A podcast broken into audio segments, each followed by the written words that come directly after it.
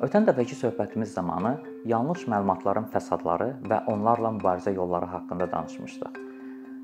Bu problemlə bağlı fərdi, milli və qlobal səviyyələrdə atılmalı addımları nəzərdən keçirmişdik. Bu dəfə isə onlardan biri haqqında danışacağıq. Xəbər savadlılığının yanlış məlumatlara qarşı mübarizədə rolu haqqında.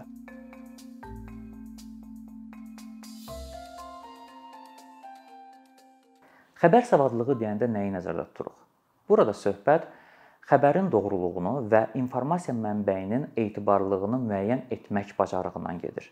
Təəssüf ki, bəzən insanlarımız bunun fərqinə varmırlar və yanlış məlumatı yayanların tələsinə düşürlər. Pandemiya və müharibə zamanı biz bir daha gördük ki, yanlış məlumat virusdan da sürətlə yayılır və onun fəsadları bəzən güllə yarasından da ağır olur.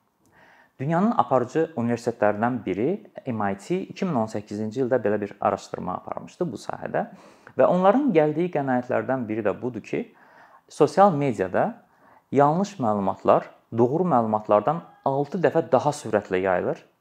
Yanlış məlumatların bölüşülməsi ehtimalı isə 70% daha çoxdur. Niyə?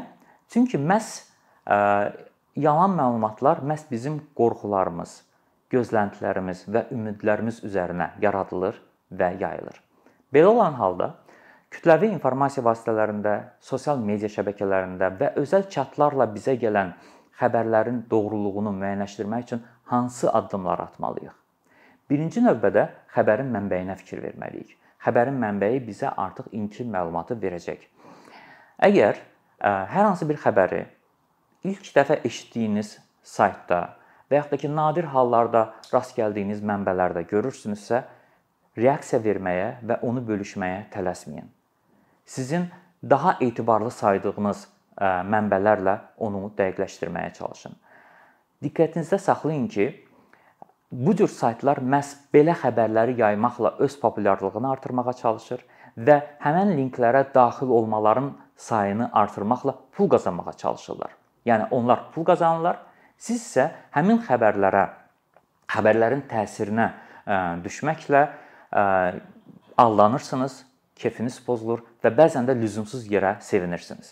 Və bu xəbəri paylaşmaqla siz eyni hissləri yaxınlarınıza və yoldaşlarınıza da yaşadırsınız. Yoxlanmamış məlumatı birinci yaymaqla, qohum-əqrəbəyə, tanışlara göndərməklə sizə heç kim mükafat verməyəcək. Amma həmin xəbər yalan çıxdıqdan sonra sizi qınayanların və sizin gələcək paylaşımlarınıza şübhə ilə yanaşanların sayı mütləq artacaq.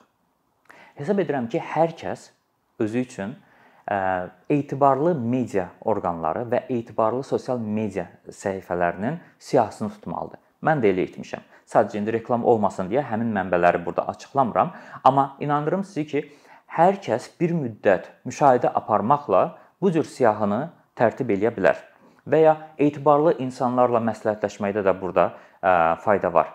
Başqa sözlə desək, əgər hər hansı mənbə 2-3 dəfə yanlış məlumat yayırsa, onu izləməyi dayandırın. Və bununla həm özünüzü yanlış məlumatlardan qorumuş olursunuz, həm də ki, həmin o yanlış məlumatlara yayan insanlara bir növ münasibət bildirirsiniz. Əgər bu cür xəbərləri sizin yaxınlarınız yayırsa, mütləq onları xəbərdar edin etibarsız mənbədən istifadə edirlərsə, yanlış məlumatları yayırlarsa, onlara bunu bildirin. Daha bir önəmli məqam xəbərin tarixi ilə bağlıdır. Biz tez-tez buna rast gəlirik ki, sosial mediada köhnə tarixli xəbər yeni xəbər kimi, yeni informasiya kimi yayılır. Və bəzən insanlarımız da yalnız xəbər başlığını oxumaqla qənaətə gəlirlər və bir növ operativliyini göstərmək üçün tez bir sürətdə öz yaxınları ilə, tanışları ilə bunu paylaşırlar. Və yenə də lüzumsuz stress, narahatlıq, qarşılıqlı inamın azalması kimi fəsadlarla üz-üzə qalırıq. Yayılan şəkil və videolarında doğruluğundan əmin olun. Bu yaxınlarda da biz dəfələrlə bunun şahidi olduq ki, istər pandemiya zamanı, istər müharibə zamanı başqa hadisələrə, başqa ölkələrə aid olan video və şəkillər Azərbaycana aid olması iddiası ilə sosial şəbəkələrdə paylaşılırdı. Və bu da kəskin reaksiyalara və qalmaqallara bəzən səbəb olurdu. Bu baxımdan o şəkilləri paylaşmadan, o şəkillərə reaksiya vermədən onun mənbəyini araşdırın. Bunun üçün müxtəlif vasitələr var. Hətta Google vasitəsilə də şəkillərin, videoların mənbəyini, onun ilk yayılma tarixini müəyyənləşdirmək mümkündür. Əgər bunu bacarmırsınızsa problem deyil. Bunu bacaran insanlarla məsləhətləşə bilərsiniz və yaxud da ki, öncə də qeyd etdiyim kimi digər mənbələrlə, etibarlı saydığınız mənbələrlə həmin xəbəri, həmin şəkli və videonu dəqiqləşdirə bilərsiniz. Daha bir problem, artıq mən bunu qeyd etdim, xəbər başlıqları ilə bağlıdır. Bu çox ciddi bir məsələdir. Hələ də Azərbaycanda istər kütləvi media vasitələri arasında, istərsə də sosial şəbəkələr arasında diqqəti cəlb etmək üçün çaşdırıcı xəbər başlıqlarından istifadə olunur. Ciddi medialar adətən bu metodlardan istifadə etmirlər, amma təəssüf ki, hələ də buna buna yer verən, bu cür metodlardan istifadə edən portallar kifayət qədər çoxdur. Bir misal gətirim. Bu yaxınlarda Azərbaycanda ordu geniş miqyaslı təlimlər keçirmişdi və bu təlimlər zamanı antiterror əməliyyatı da daxil olmaqla müxtəlif taktikalardan istifadə olunmuşdu. Və bu təlimlər haqqında məlumat yayan bəzi kütləvi informasiya vasitələri çox təəssüf ki, aralarında mənim ciddi saydığım xəbər portalları da var idi. Azərbaycan ordusu hücuma keçdi və ya Azərbaycan ordusu antiterror əməliyyatına başladı başlıqlı xəbərlər verdilər. Yəni təsəvvür edin, müharibə yeni bitib, sərhəddə hələ gərginlik var və bir çox insanlar, xüsusilə də övladları həmin o sərhəd bölgəsində xidmət edən valideynlər bu cür xəbərləri oxuyanda hansı hissləri keçirdiyini hamımız anlaya bilirik. Və həmin o xəbərin linkinə daxil olanda burada söhbətin yalnız hərbi təlimlərdən getdiyi bəlli olur. Mən şəxsən bu cür xəbər başlıqları yayan media orqanları və bunları tirajlayan sosial media səhifələrini dərhal izləmə siyahımdan çıxardıram. Hətta peşəkar fəaliyyətimdə belə bu cür mənbələrlə əməkdaşlığı ya minimuma endirirəm, ya da ümumiyyətlə dayandırıram. Mən bunu qeyri-peşəkarlıq hesab eləyirəm, media etikasına zidd və ümumiyyətlə insanlığa yaraşmayan hərəkət kimi qəbul eləyirəm.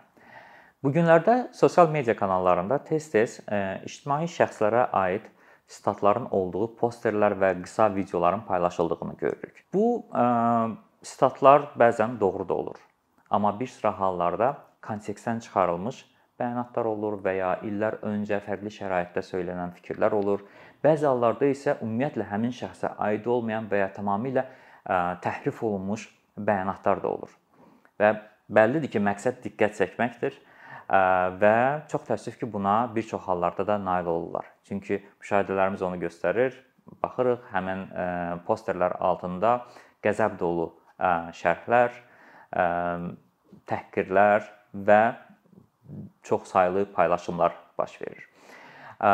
Aldanmamaq lazımdır. Yəni aldanmamaq üçün də ilk növbədə həmin bəyanatın verildiyi müsahibəni tapmaq olar ki, hansı suala cavab olaraq bu bəyanat verilib, hansı kontekstdə, hansı şəraitdə bu fikirlər söylənilib. Əgər buna marağınız varsa, bunu edin. Marağınız yoxdursa, bununla məşğul olmağa vaxtınız yoxdursa, bir zəhmət reaksiya verməyə və həmin poster və ya videonu bölüşməyə də tələsməyin. İnan mənə, istənilən mükəmməl və ehtiyatla verilən müsahibədən kontekstdən elə cümlə çıxartmaq olar ki, həmin insanı həm rəzil etmək olar, həm də qəhrəmana çevirmək olar. İmkan verməyin ki, kimsə sizin hisslərinizlə oynasın. Doğru xəbərlər bizə düzgün qərar verməyə və xəbərləri düzgün analiz etməyə imkan verir. Yanlış xəbərlər isə əksinə bizi yanlış istiqamətləndirir və nüfuzumuza bəzən xələl gətirir. O yüzden xəbərləri oxuyanda, reaksiya verəndə və paylaşanda öncə onların doğruluğuna əmin olun. İnformasiya gücdür, amma doğru informasiya həm də müdafiə qalxanıdır. Əkinçinin yeni videoları haqqında məlumatlı olmaq üçün kanalımıza abunə olmağı və xəbərdarlıq funksiyasını aktivləşdirməyi unutmayın. İmkandan istifadə edərək cari patronlarımıza işlərimizi davam etməyə yardım olduqları üçün dərin təşəkkürümüzü bildiririk. Əkinçinin Patreon icmasının üzvü olaraq siz bizim təşəbbüsə dəstək göstərməklə bərabər hazırladığımız materialları hər kəsdən öncə izləmə imkanı əldə edəcəksiniz.